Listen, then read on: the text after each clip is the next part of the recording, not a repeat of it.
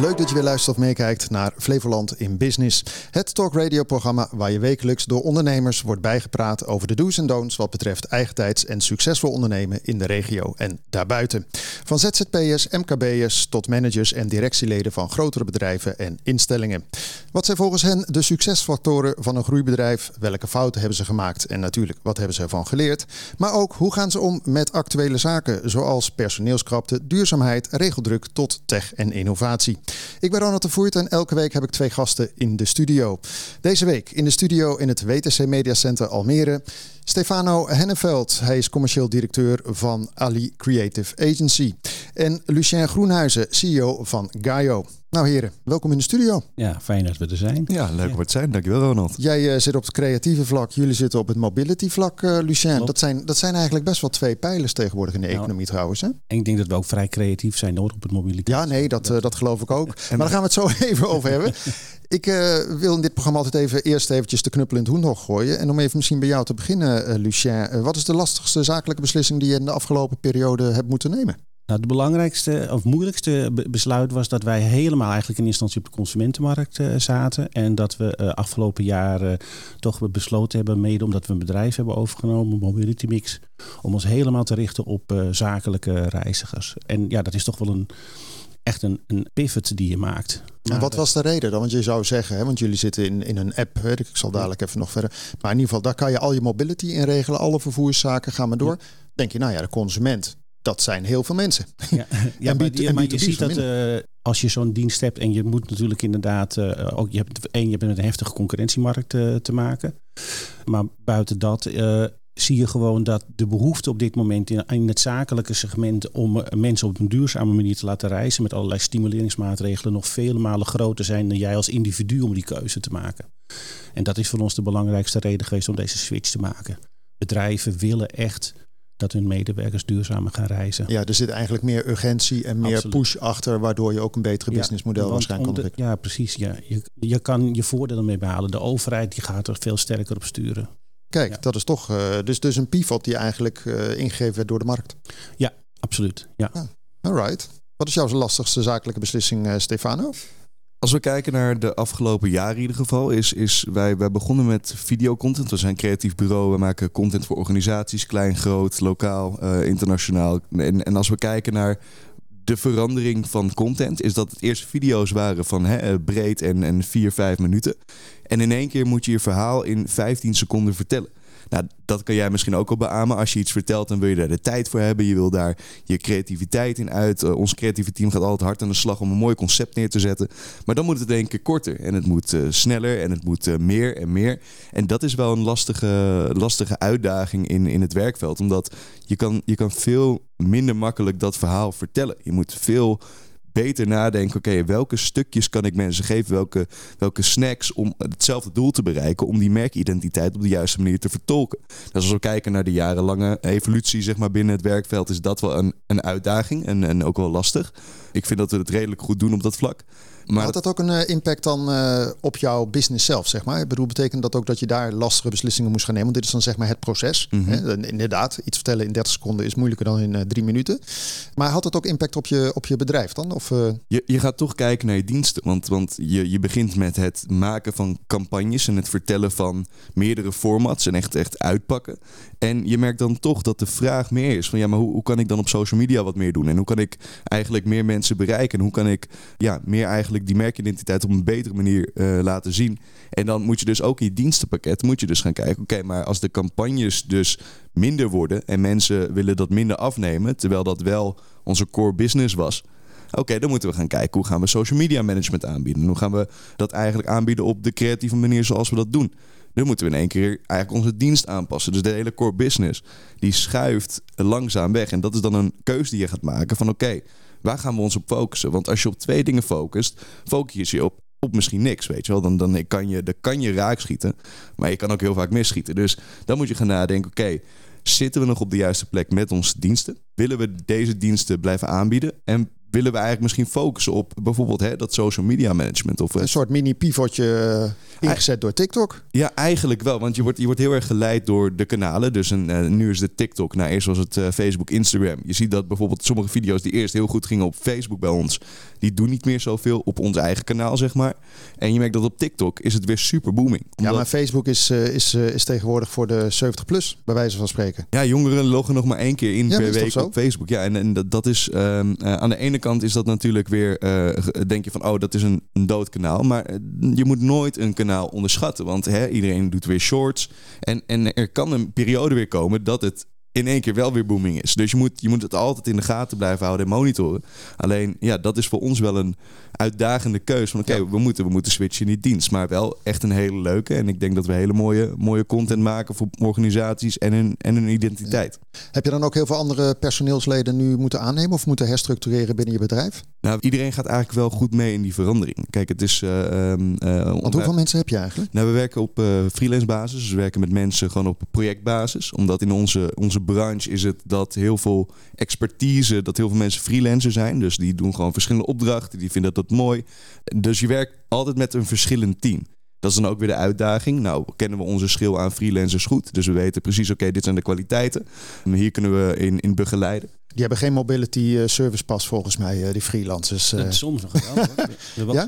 Doe, doe je dat eigenlijk met je freelance of zit dat echt een beetje gewoon, dat zit gewoon ergens verder weg te werken en dat levert aan? Nee, nee, je hebt, je hebt bijvoorbeeld als een cameraman naar een locatie toe moet. We hebben een productie met, met een paar mensen, regisseur, cameraman. Dan, dan zorgen wij dat die mensen daar gewoon naartoe kunnen komen. Want reiskosten zijn natuurlijk gewoon een ding. Dat is ja, maar doe je dat dan via zo'n mobility app constructie of de kaartjes die je daar ook in kan halen? Nou, ik, ik, ik had net even het gesprek met de en van hey, uh, maar wat doe je dan en hoe, hoe, hoe ziet dat eruit? En hij legde dat uit. Ik van ja, kijk, dat zijn wel interessante manieren om het ook aantrekkelijk te maken. Om, om dus uh, te gaan reizen, om het te gebruiken.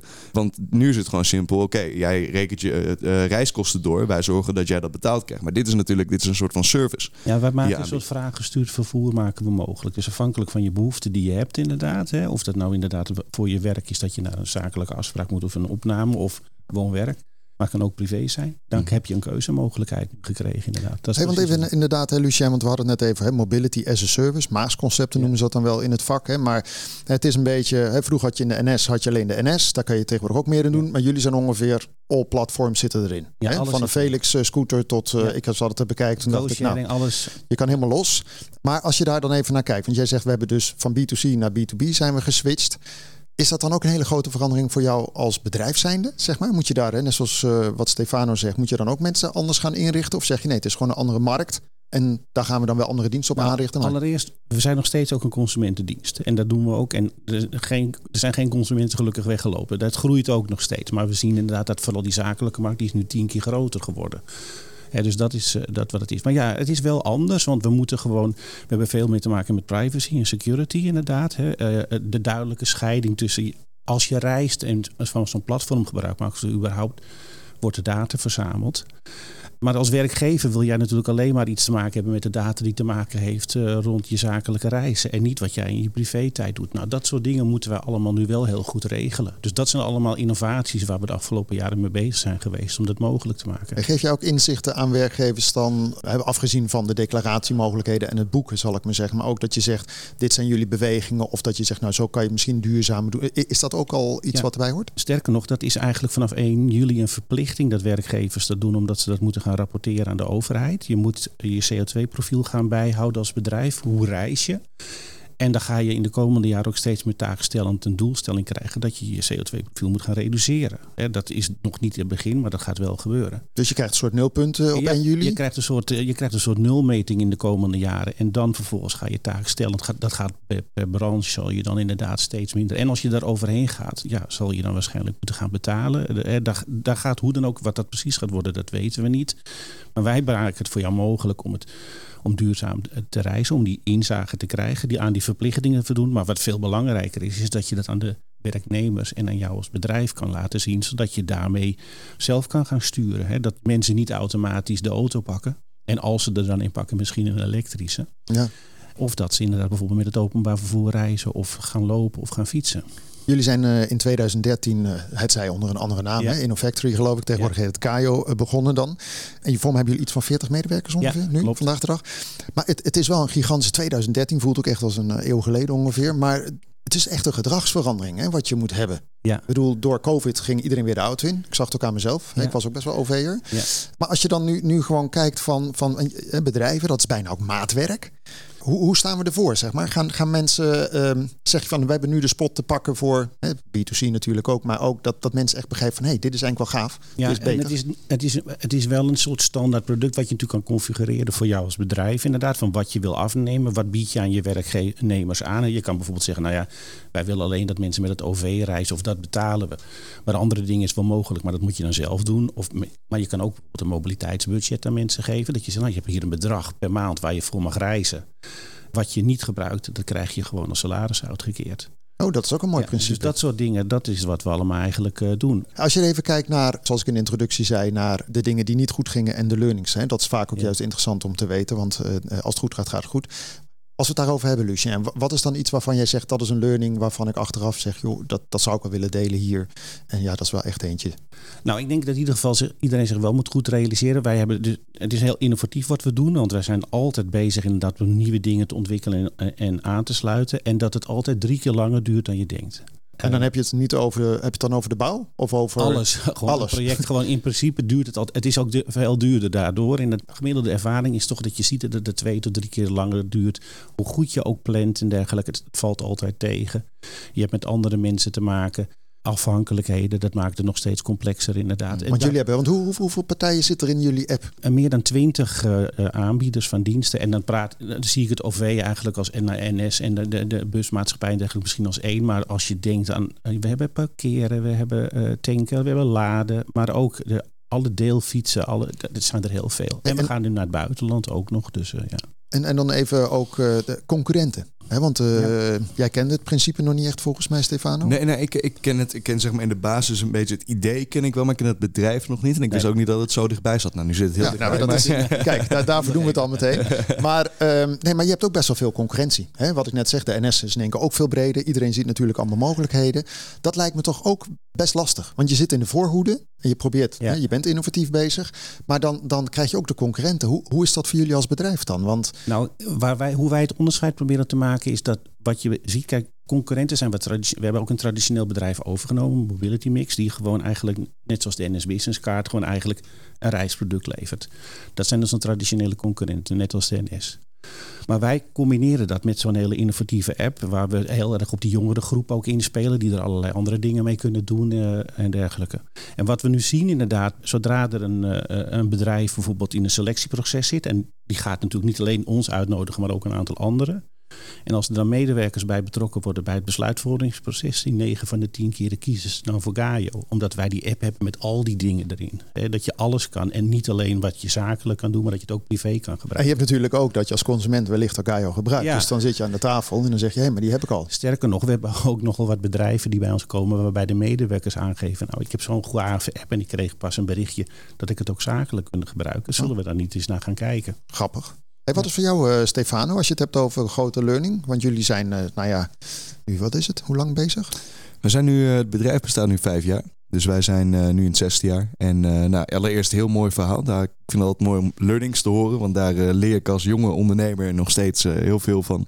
Uh, elke dag leer je, leer je wat nieuws, vooral de fase. wat, wat is er eentje waarvan je zegt, want jullie zitten in een creatief beroep, je zegt al, hè, die markt staat niet stil. Nee, Sterker nee, ik denk dat het een, een van de meest dynamische is. Nou ja, goed, kan mobility, dat, dat is een nieuw gebied, dat is misschien nog wel erger. Maar creativiteit gaat alle kanten op. Hè? Misschien met AI, komen we straks nog even op. Ja, nee, kijk, je, je, je moet continu kijken hoe je zo'n creatief concept ook daadwerkelijk de inhoud kan geven die het wil geven. Ik bedoel, heel veel mensen zeggen creatief maar dan uiteindelijk is het niet creatief. Kijk, ik ben een praktische man binnen de organisatie, dus ik focus me heel erg met de, met de klanten en de klantreis en uh, de learning daarbij. Hè, dus, dus echt het omgaan met, met klanten is dat het eerste probleem is niet het laatste probleem. En de eerste stap is ook niet de laatste stap. Dus wanneer er iets gebeurt, moet je nooit ervan uitgaan dat het dat dat het gelijk is. Dus als er een klacht is, is het niet gelijk het einde van de wereld. En als het een succes is, is het niet gelijk dat het helemaal geregeld is. Ik bedoel, het, het duurt altijd vier, vijf stappen. En dat is wat jij zegt met geduld ook. Soms moet je ook wachten op een antwoord. En soms moet je ook geduld hebben om uiteindelijk wel tot die oplossing te komen. Of hè, dan moet je dingen regelen die misschien wat minder leuk zijn in eerste instantie, maar die er uiteindelijk wel voor zorgen dat die klantrelatie hechter wordt, beter wordt en, en dat je met elkaar gaat groeien. Maar wat is de grootste learning dan? De, Even eentje dat je zegt van nou, dat is toch wel eentje. De learning concreet is echt het niet uit de weg gaan van communicatie. Dus als iemand iets heeft, dus iemand heeft een opmerking, kritiek of wat dan ook, dus op, of een mail, die, die stelt een vraag, dan wil je altijd echt even de diepte met iemand ingaan. Dus pak de telefoon, bel op, zeg: Hey, ik zag dat je dit naar me toestuurde. Je had een klacht, een opmerking. Ehm, hoe kunnen we dit oplossen? Hoe, wat verwacht je van mij nu? Waarmee zou jij blij zijn? Met welke oplossing ik kan bieden? En dan kunnen we eruit komen. Dan gaan we kijken hoe we dit kunnen oplossen. Soms is er geen oplossing en dan moet je daarmee leren omgaan. Dan moet je denken, wacht even.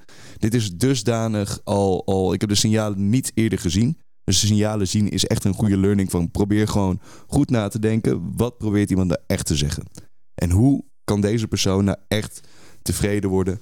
Ook als het aankomt om iets eindigen, als het aankomt om iets starten. Het is al die communicatie is key. En ik denk ja, maar dat, naar de, dat is vooral naar de klant. Uh, de tweede, ja, want hoeveel mensen heb je, voordat we even naar Lucien gaan? Hoeveel mensen werken nou bij jou, zeg maar gewoon concreet dan daar? Uh, want je hebt heel veel freelancers. Mm -hmm. Maar wat is zeg maar de kern? Ja, je zit, je zit met een schil van, van vijf mensen die echt de kern zijn. En dan werk je met een schil van, wat is het, uh, 13 camera mensen. Maar in principe moeten die vijf moeten gewoon goed met elkaar. Laat ik het zo zeggen, als de eentje ziek is, heb je een groot probleem dat je er twintig hebt op een afdeling natuurlijk. Maar jij zegt communicatie. Maar Lucien, je wil ja, Ik wil niet over communicatie. Ik denk, wat wij, wij hebben dus, we nemen een bedrijf over inderdaad. En, en we hebben opeens 200 bedrijven erbij. Mm -hmm. En wat 200 mensen, of 200 bedrijven? 200 bedrijven, oh, zakelijke klanten van onze dienst. En we hebben zo'n kleine 20.000 uh, mensen die uh, nu zakelijk met onze diensten, medewerkers die ermee reizen. En we merkten dat die, daar eigenlijk heel weinig aandacht aan was gegeven door de, ja, zeg maar de, oorspronkelijke bedrijven. En wij zijn gewoon eigenlijk al die bedrijven ook afgegaan, inderdaad, met het team, inderdaad, om in gesprek te komen en te horen. En ook vooral inderdaad te horen wat er voor pijn misschien nog is, of we dat kunnen oplossen of niet. Maar ik ben het helemaal met je eens dat die communicatie echt een sleutel is. Dus het is niet alleen intern in het team, maar vooral ook inderdaad met, met je afnemers in gesprek gaan. En we volgen dat nu continu op. Hè. Dus uh, dat is het voordeel van de nieuwe media. Je hoeft niet elke keer overal langs te gaan, maar dat je toch uh, elke twee, drie maanden even contact hebt om gewoon te horen hoe het gaat. Er zijn de dingen die we moeten oplossen. Ja. Dat is ook echt heel belangrijk. En, en dat is uiteindelijk de grootste learning voor de interne organisatie. Want daar wil je natuurlijk naartoe. Maar die, die externe organisatie zorgt er ook voor wat je uiteindelijk intern moet aanpassen met mensen om uh, tot dat succes extern te komen. Want uiteindelijk extern, daar haal je je omzet bij. Daar zorg je ervoor dat er brood op de plank komt. Maar intern, dat is nog wel dan de belangrijke stap van... oké, okay, ik hoor dit en dit. Ik, ik, ik scout wat, wat de afnemers zeggen. Hoe kunnen we dit intern oplossen? En uiteindelijk is dat dus mijn, mijn learning van... oké, okay, kijk goed om je heen extern om goed te weten wat je intern moet aanpassen. Want als je blind bent voor kritiek of je, je, je luistert niet, je kijkt niet goed om je heen, dan ga je mensen verliezen, eh, klanten verliezen. En uiteindelijk zorgt dat ja, intern gaat het ook wrikken. Want dan heb je mm -hmm. vragen, maar geen antwoorden. Dus ja, maar dat doe je meer dan voorheen dus. Dat doe ik wel meer dan voorheen uh, met de organisatie, met, met mijn mensen, met, met mijn team, met mijn kompion. Want je bent toch gewoon benieuwd van oké, okay, maar hoe, hoe kijken we hier tegenaan? En je komt bij jezelf ook nog elke dag tegen dingen van oh ja, dat had ik misschien anders moeten doen. Of hey, ja. dat kan ik beter doen. Zit je ook in het buitenland eigenlijk? We zijn uh, begonnen in België. Dat heeft op dit moment even iets minder aandacht inderdaad. Omdat we waren in eerste instantie eigenlijk gewoon van plan met die consumentendienst gewoon België, Duitsland alles uit te rollen. Omdat wij veel Europese spelers hebben aangesloten. Bijvoorbeeld Tier, een grote aanbieder, die is ook even nog meer actief geweest met fietsen. Maar die zijn gewoon heel groot, ja, de grootste speler. Dus we konden gewoon zo doortikken naar andere landen. Maar met de overname van Mobility Mix en nu de focus op zakelijk richten we ons dit jaar nog vooral inderdaad op de Nederlandse markt. Maar bereiden we wel de uit Europese uitrol voor. En, en zo'n tier, want, want dat was bij mij altijd in de vriendengroep van waarom komen die stepjes niet naar Almere? Het mag niet van de Nederlandse overheid. Nee, nee dat, dat, dat vonden we altijd zo jammer, weet je wel. Ja. Dat, dat, natuurlijk een wet en regelgeving. Maar denk je van, ja, kan, kan dat niet gewoon... Waarom, waarom is dat zo lastig in Nederland? Terwijl in Frankrijk, als je in Parijs op dat stepje staat... Nou, dat is tien keer zo gevaarlijk als Almere. Wij hebben het zelfs... Ik bedoel, het is een, misschien moet je een no-go area... maar voor de Floriade hebben we het zelfs geprobeerd. De steps zijn zelfs hier naartoe gekomen met tier... Maar ja, uiteindelijk is dat toen niet gebeurd, inderdaad. Dat zie je in veel landen. Hè? Dat uh, Beurt was ook zo eentje. Zo'n hele met uh, echt miljoenen funding. En ja, die zijn geloof ik ook een paar maanden geleden failliet verklaard. Maar goed, ik, ik wou ja. inderdaad ook aan jou een vraag stellen, Lucien. Want je hebt al die deelfietsen. dat zie je bijvoorbeeld, ja, ik was een paar jaar geleden in Frankfurt. Er lag op iedere straathoek een deelfiets, een step en alles wat je maar kan bedenken. Toen dacht ik, wauw, als dit het voorland is, moet we niet hebben. Maar hoe, hoe ontwikkelt zich dat? Is, is dat eigenlijk een beetje aan het groeien? Want ik zie dat de NS het doet. En, en je had een paar van die andere aanbieders. Ja, nou, kijk, wij, onze rol daarin, vooral inderdaad, uh, is dat wij heel veel samenwerken ook met gemeentes natuurlijk inderdaad. Om proberen met, dat er een soort beleid komt. Zodat er bijvoorbeeld uh, een betere handhaving richting zeg maar, de operators komt. Zodat ze ook ervoor zorgen dat die fietsen op nette plaatsen komen. We hebben hier in Almere ook bijvoorbeeld heel actief geholpen. Inderdaad, er zijn van die eilandjes gekomen waar dan de, de fietsen of de scooters geplaatst moeten worden.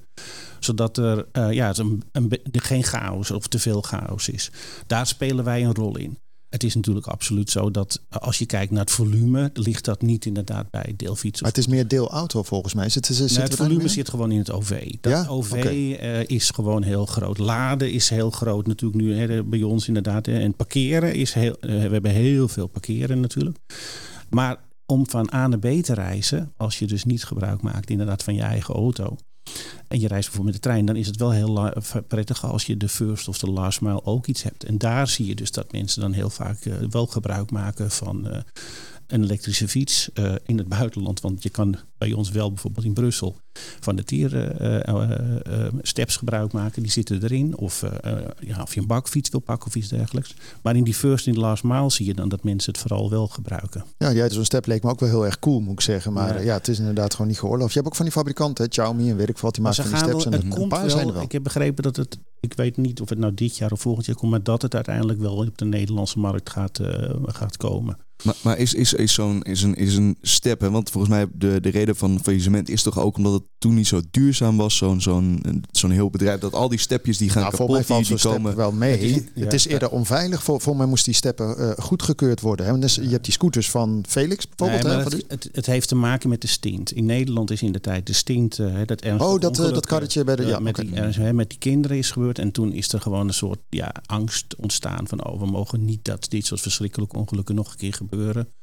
En daardoor is er enorme weerstand ontstaan bij met name het ministerie, inderdaad, om, om toelating te regelen en allerlei aanvullende eisen. Maar een step is eh, even wat, wat Stefano zegt. Of je nou een step hebt of, of, of een scooter die elektrisch is, het is toch allebei. Ja, kan je allebei, zal ik maar zeggen. Ja, maar als je gewoon toch in het algemeen kijkt, is een fiets wel een wat prettiger middel om te reizen. Inderdaad, ja, uh, nou nu helemaal moet je niet. Nee, maar er zijn wat meer mee behept, zou ik maar zeggen. Ja, daar zijn, of het is gewoon, maar het reist ook wel wat makkelijker. En, en, en kijk, maar het, het voordeel van zo'n stepje, ja, zo'n stepje, uh, die zijn misschien uh, 200 euro inkoop dat ze die kopen. Zo'n fiets is uh, anderhalf duizend. Ja, en je, en je klapt hem zo op, denk ik altijd. En dan stap je het OV in. Ik maar wat. Nee, maar is toch zo? maar, ja, misschien gaan tegenwoordig mensen met z'n drie op een step staan. Dat moet je ook weer niet hebben. Ja, step up your game. ja, hey, kijk, de campagne gaan we wel doen. Hey, maar, maar nog even over, want als als jullie als aanbieder met zoveel services, hè, want iedereen probeert in, in jullie veld daar een plek te veroveren, dan is het een beetje wie, wie de meeste services heeft. Hoe onderscheid je straks dan nog, afgezien dat iemand zegt van ho, ik, ik heb Gaio omdat ik die eh, privé gebruik. Maar op een gegeven moment wordt, eh, hoe, hoe gaat het spel zich ontwikkelen dan? Nou, door ja, nog meer aanvullende diensten te ontwikkelen, slimme combinaties van dingen te maken. Vooral dan denken we convenience inderdaad, hè, waar we naar kijken. Dus dat we gemak voor jou maken inderdaad. Als jij een bepaalde dienst afmeent, dat daar gewoon een aantal andere dingen... Ik ga natuurlijk nu niet veel mensen meer wijs maken, maar wij zijn wel ook alweer bezig met vervolgstappen op dat gebied. Een soort premium dingetjes. Nou ja, makkelijker te maken inderdaad. Maar, uh, maar uh, een heel belangrijk ding waar we nu ook naar kijken ik heb het al een paar keer gezegd over laden. We zijn wel heel erg daar naar die markt aan het kijken. Dat is een hele een niet transparante markt op dit moment. Uh, uh, jij kan bij een paal waar je nu gaat laden heel veel verschillende tarieven moeten betalen. En wij willen dat ook inzichtelijk maken. Zodat we zeggen, we zijn nu de goedkoopste parkeerapp. Maar dat we ook kunnen zeggen, ja, wij zijn ook de goedkoopste app om, of dienst om laden te gaan gebruiken. Oh ja, want dat is wel een dingetje. Ja, heb, heb je elektrische auto, Stefan? Ik heb geen elektrische auto. Heb jij überhaupt een auto nog? Ik heb wel nog een auto, ja. Nou, het is, het is natuurlijk heel erg de deel economie wat, waar we het over mm. hebben. Van, uh, ik, toen, toen de uh, scooters, de deelscooters en dat soort dingen hier bekwamen, toen gebruikte ik dat wat meer. Toen had ik uh, zelf geen scooter meer. Die heb ik ook nog steeds niet meer. Maar ja, ik vind het nog wel fijn om mijn eigen auto te hebben. Dat is wel, ik vind dat dat bezit nog wel, ja, dat is toch van jezelf. Um, maar ik heb niet dusdanig de behoefte aan dat die echt. Het, het mag voor mij ook een leaseauto zijn. Het mag voor mij ook uh, uiteindelijk een elektrische auto zijn. Maar nu heb ik gewoon een kopen een auto gekocht. Ja, zoals je kan ook. Moet je aan sommige mensen uitleggen, maar goed. maar ik denk dat de realiteit is dat het de merendeel van de reizen blijft gewoon auto gerelateerd. Dat is gewoon een heel efficiënt middel. Het moet wel duurzamer worden. Dus ik denk dat je wel inderdaad allemaal naar elektrisch moet. Maar dan lopen we natuurlijk ook tegen allerlei andere beperkingen aan. Dat de hele infrastructuur om dat laden mogelijk te maken is ook best wel een dingetje. Dus we kunnen wel heel snel willen, maar dat moet ook dan uh, dat ook kunnen. Dus ik denk inderdaad dat we stap voor stap die kant ja. op gaan. Als je even kijkt, uh, Stefano, als je het hebt over concurrentie ook hier in de regio. Hè, want je creative mhm. agency, nou nu zijn er tegenwoordig veel bureaus, zal ik maar zeggen, die uh, ook dit soort dingen doen. Is het dan jullie idee, jullie creativiteit wat onderscheidt van de rest? Of, of, of waar zit het dan op? Want ja, ik bedoel, iets, iets bedenken op papier is iets anders dan nog filmen of editen. Mm nou, als je kijkt naar creatieve bureaus, hè, in Amsterdam is het echt overladen. Hier heb je ook een aantal bureaus.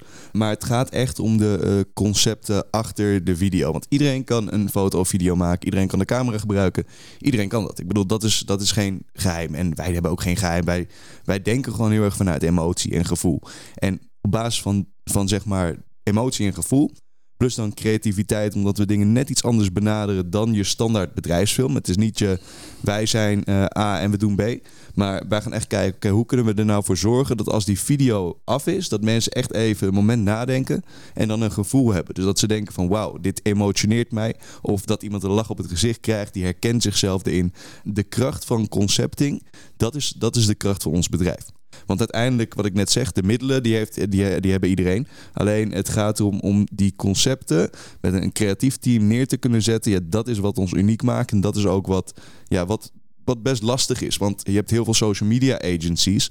En dat zijn echt bedrijven die social media onderhouden. En die maken dan een uh, opgemaakte post. En dat kan effectief zijn of niet. Maar die hebben niet het creatieve team erachter. Dus wij nemen het een stapje verder. Wij doen niet alleen content creatie. Maar wij bedenken eigenlijk ook dat hele concept om jouw merk heen. Om dat merk is op een juiste manier in beeld te brengen. Dat kan zijn na een rebranding. Dat kan zijn als je interne communicatie wil doen. Dat kan eigenlijk op heel veel vlakken. Dus het is niet alleen social media gericht wat wij doen. Wij doen echt ook voor dus dat als je, je je nieuwe medewerkers wilt inwerken, dan is er een uh, video die uitlegt hoe de organisatie werkt, waarbij je gelijk een look en feel hebt, waarbij je de juiste kleurstelling krijgt. Dus je weet van nou, werken in een informele organisatie, formele organisatie, nationale organisatie, internationaal. Jullie zitten echt uh, video breed eigenlijk. En dan het platform is dan eigenlijk een soort van afgeleide weer daarna. eigenlijk wel. Hey, want, eh, want je hebt ook heel veel nou, jongeren, zal ik maar zeggen, die lopen de hele dag met de iPhone of de Samsung of whatever te filmen. jij pakt nog wel een gewone camera, jullie? Of zeg je van wij filmen gewoon ook met uh, een of telefoon? Nou, dat is dus ook een ontwikkeling. Kijk, user-generated content, dus content die eigenlijk mensen zelf maken met hun telefoon, uh, dat is interessant. Want die kan je gebruiken om, om daadwerkelijk een soort van eigen content te laten zien vanuit een opdrachtgever. Dus hè, dat is een soort van testimonial. Je ambassadeur die maakt user-generated content. Stel je bent uh, bij een hotel en je maakt een uh, video van de kamer en die plaatst diegene op social media. Dat is user-generated content. En je hebt de ambassadeur, want diegene is tevreden over hoe het eruit ziet. Die heeft een gevoel en dat is goed voor het merk. Dus dat moet geladen worden vanuit, vanuit jongeren, ouderen, iedereen.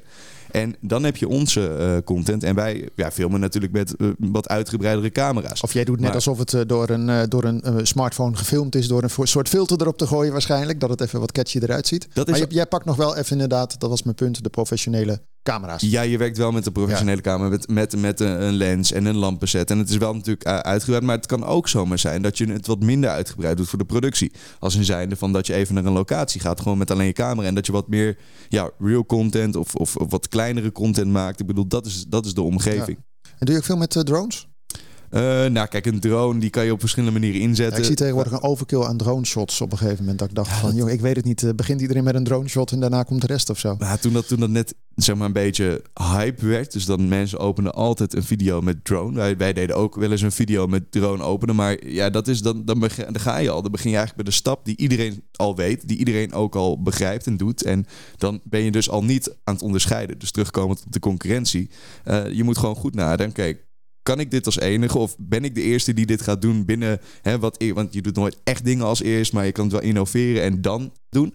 Doe ik dit uh, vanuit mijn eigen organisatie-identiteit? En nou ja, een drone shot is niet altijd wat het nodig heeft. En ja, dat, dat, Is, dat is gewoon een gedachte die iedereen kan hebben. Dan ga ik eventjes richting uh, de tech, zeg maar, de AI-kant. Kom ik ook zo bij jou, Lucien. Maar e-, even het creatieve vak. Ik bedoel, wij kunnen ook wat weer opnemen. Het wordt hier mooi uh, automatisch geschakeld. Maar uh, ik kan ook allerlei feeds gewoon in een AI-tool gooien.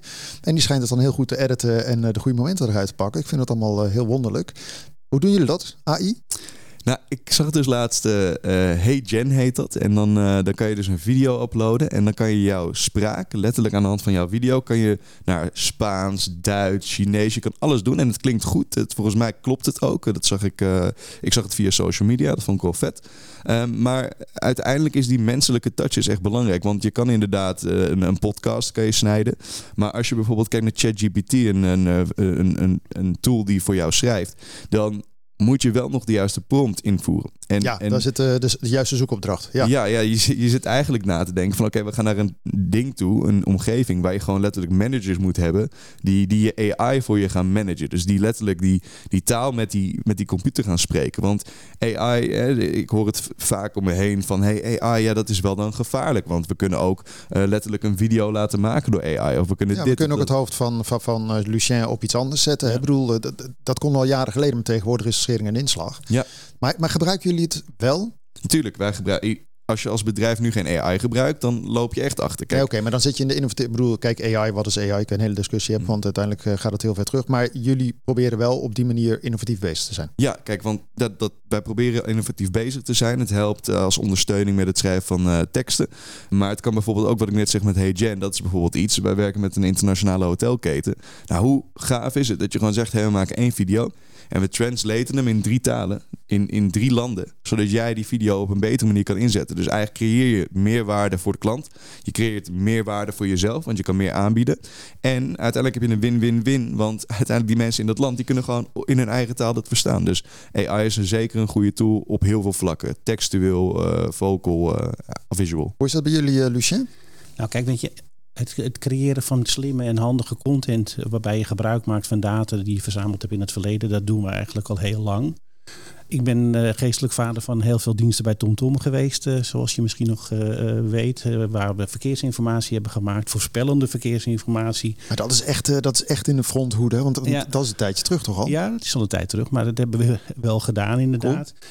Dat soort dingen doen we nu nog steeds, inderdaad. Dus, hè, dus verzamelen van data van gebruikers. En, daar dus, en dat niet zozeer voor commerciële doeleinden doorleveren aan derden die daar dan mee gaan adverteren. Maar wel die data verzamelen. Om daar dan slimme dingen mee te doen. Zodat je er iets voor dus bijvoorbeeld, je komt het station uitlopen en dat wij al, of je zit nog in de trein. En dat we dan denken, oh jij stapt waarschijnlijk daar en daar uit. En dat we zeggen, zullen we vast voor jou een fiets reserveren. Want we weten dat er daarin staat. Of we gaan jou adviseren van, nou je kan beter die halte eruit stappen, want daar zal waarschijnlijk tegen de tijd dat jij er bent een aansluiting voor je zijn. Ja, want dat, is ook een ding. Als je uitstapt hier op uh, centrum en uh, er staat geen deelfiets meer, maar je verwacht hem wel. Ja, precies. Maar dus, dus door da data te verzamelen kan je zien of waar ontstaat aanbod uh, en waar is het niet. En, en, en dat als voorbeeld, naar dat soort dingen kijken we. Voor de rest gebruiken wij natuurlijk net zoals denk ik heel veel bedrijven AI ook gewoon om allerlei dingen zelf te creëren inderdaad natuurlijk. Sta je toe dat mensen gewoon, uh, je hebt wel eens uh, de mensen die ik spreek, die zeggen nee joh, maar ik gooi gewoon wat woorden in, inderdaad prompts in het ene en dan komt er gewoon een mail uit en dan gebruik ik dan gewoon dus ChatGPT. Toen zei ik, nou dat vind ik wel een beetje scary. nou, ja, ik, Wacht dat voor jullie op, op, op wij gaan Niet, wij gaan niet daar iets. We, we hebben daar geen mening over dat mensen dat wel of niet uh, moeten doen. Maar ik denk inderdaad dat je toch vaak nog wel best zelf ook een, rol kan hebben in het creatieve proces van het creëren van een document om een mail of zo. En ja, dat is, dat is, dat is inderdaad ja. met AI als je, of AI als je uh, die mail laat maken. Ik heb dat wel eens gewoon getest van oké, okay, hoe, uh, hoe reageer je hierop? Of het is de golden retriever die, uh, ja. die naar boven komt bij ChatGPT, want dan is het dus super positief. Ja. we zijn super enthousiast en woorden die je nooit gebruikt. Dus ik zie altijd aan een, aan een bericht, ook op social, zie je gewoon van oh ja, wacht, als deze tekst heeft een zin en dan twee emojis aan de achterzijde en dan ja, dan denk je van oké, okay, maar hier klopt niet. Want de, na de emojis staan naar de punt. Dus AI die, die kijkt wel heel erg naar oké, okay, standaard dingen. Standaard ja. mail, standaard tekst. En zo'n mail, het kan goed zijn voor een opzet. Maar het kan... Precies, het, is, het geeft inspiratie. Dat is het. Je moet het gebruiken als inspiratie toe. En het kan een ondersteuning zijn. Maar het is niet de leidraad voor je hele dagelijkse werkzaamheden. Nee. Maar inderdaad, bijvoorbeeld in marketing uiting, ik weet dat mijn team ook bijvoorbeeld best wel gebruik maakt van allerlei slimme tools om snel bijvoorbeeld uh, korte boodschappen te creëren en daar filmpjes uh, te maken en daar uh, een aantal dingen bij elkaar te brengen. En dan worden er hele mooie, snelle filmpjes ontwikkeld, inderdaad, met AI-achtige tools. Inderdaad, dat, dat is echt heel handig om snel ook in te spelen op bijvoorbeeld de actualiteit. Het gaat ongelooflijk snel. Hè? Ik weet niet hoe jullie er tegenaan kijken, maar een jaar geleden kwam ChatGPT ongeveer. En mhm. tegenwoordig is dat soort ingeburgd. Hè? Ik bedoel, Microsoft gaat een knop op uh, toetsenbordje bijzetten ja. die dat doet. Ik vind het rap gaan. Ja, dat klopt. Ik vind het niet eng, maar vinden jullie het eng trouwens? Nou, ik denk dat dat voor heel veel mensen geldt dat het... Eh, eerst was het een beetje eng, want niemand weet wat het is. Nou, nu snappen mensen, nu gebruiken we het veel fout. Maar ik denk dat het wel echt ook veel energie kost. Weet je wel, het, zijn, het, het is continu nadenken. Energie in de servicecenter of van de persoon zelf? Van de, ja, van beide. Ik bedoel, je, je, je computer draait overuren, maar je, je hoofd ook. En, en je hoofd is als een computer. Als die dan op een gegeven moment uh, vol zit, dan moet je hem weer even leegmaken. En ik denk dat dat wel ook een uitdaging is van oké, hoe houden we al die innovaties en ontwikkelingen en, en, en, veranderingen bij. En volgens mij is het altijd een ondernemerschap geweest. Maar hoe hou je dat bij en hoe hou je jezelf erbij? Want dat is, el, dat is ook uh, een grote learning. Van ja, maar je moet ook soms even stilstaan. En soms even van de buitenkant even bekijken van wat gebeurt er nou echt. En wat moet ik eraan doen? En dan pas kan je zeg maar voor jezelf een stap gaan maken. En je moet het ook niet overschatten, dikke. Kijk, wij komen dus veel in de vervoer. De robotauto is een beetje een soort droom. Hè? Er zijn heel veel partijen die dachten al, nou, we kunnen de. We nemen alleen maar korte contracten, want al die taxichauffeurs en buschauffeurs zijn niet meer nodig. Nou, ik zou, word me wakker, dat gaat gewoon echt niet gebeuren. Een land als Nederland is gewoon onmogelijk om met robotauto's te rijden. Als jij een, uh, zo'n robotauto die nu in Amerika rondrijden, Amsterdam instuurt, die staat gewoon stil. Die, weet, die wordt gewoon gek. Ja, ik las daar een artikel inderdaad over dat, eh, dat wij iets te moeilijke wegen hebben, zal ik maar zeggen. Ja, het is zo complex. dat is ook mooi. Hey, even uh, aan het einde van het programma ga ik altijd even vragen van stel je voor, en misschien bij jou te beginnen, Lucien. Je bent één dag de baas van Ondernemend Nederland. Nou, er zijn heel veel ministersposten vrij, dus stel je voor dat er eentje zou zijn. Zou je iets veranderen of wat zou je doen? Nou, ik zou wel vooral, niet omdat ik ook zelf heel erg met duurzaamheid bezig ben, maar ik vind wel inderdaad dat de duurzaamheidsagenda en dus eigenlijk bewustwording inderdaad dat we echt iets moeten doen inderdaad om voor de kinderen van onze kinderen ook nog een planeet te hebben waar we mee uh, goed kunnen leven. Dat we daar echt wat van moeten doen. En dan niet uh, krampachtig roepen, ja, maar wij zijn zo'n klein landje en onze impact is marginaal. Dat is gewoon natuurlijk niet waar, inderdaad. Wij moeten ook een voorbeeldfunctie daarin hebben en daar echt uh, wat aan gaan doen. Ik merk gewoon aan heel veel jongeren die zich daar echt zorgen over maken en ook echt daar vinden dat we eraan wat moeten doen. Maar de mensen die nu aan de knoppen draaien en die die rol hebben, die moeten zich daar ook bewust van zijn. Ja, het zijn nog niet heel erg digital savvy ook, denk ik, de mensen die aan de knoppen zitten nu. Hè? Nee, maar dat is toch zo. Dat is weer een generatie, uh, wat is het, 60 plus? Nou ja, goed, iedereen is weer anders. Wat uh, zou jij doen als jij de baas was? Als ik de baas was. Nou, voor een dat, dag. voor een dag, dat, uh, dat klinkt leuk. Uh, nee, ik, um, als ik ga kijken naar wat er allemaal gebeurt in ondernemerschap en in, in, in hè, omdat het ook zo snel gaat, en ik ga dan niet naar duurzaamheid, maar ik ga wel naar duurzaamheid van mensen. Uh, het stukje mentale gezondheid en mentaal welzijn, dat is, dat is na de coronaperiode. Dan hadden we in één keer de periode, ah, oh, we zijn vrij en we kunnen eruit. En, en maar eigenlijk blijkt dat, dat steeds meer mensen, vooral jongeren en, en ouderen, dat heeft echt wel een klap gegeven. Maar dat, dat merk je in het, dat merk je ook wel in het werkveld, dat merk je aan mensen, weet je, soms, tot, nu is het weer een hele vrolijke periode maar dat zouden we wat beter moeten monitoren. Dat moeten we beter mogelijk maken om daaraan te ondersteunen.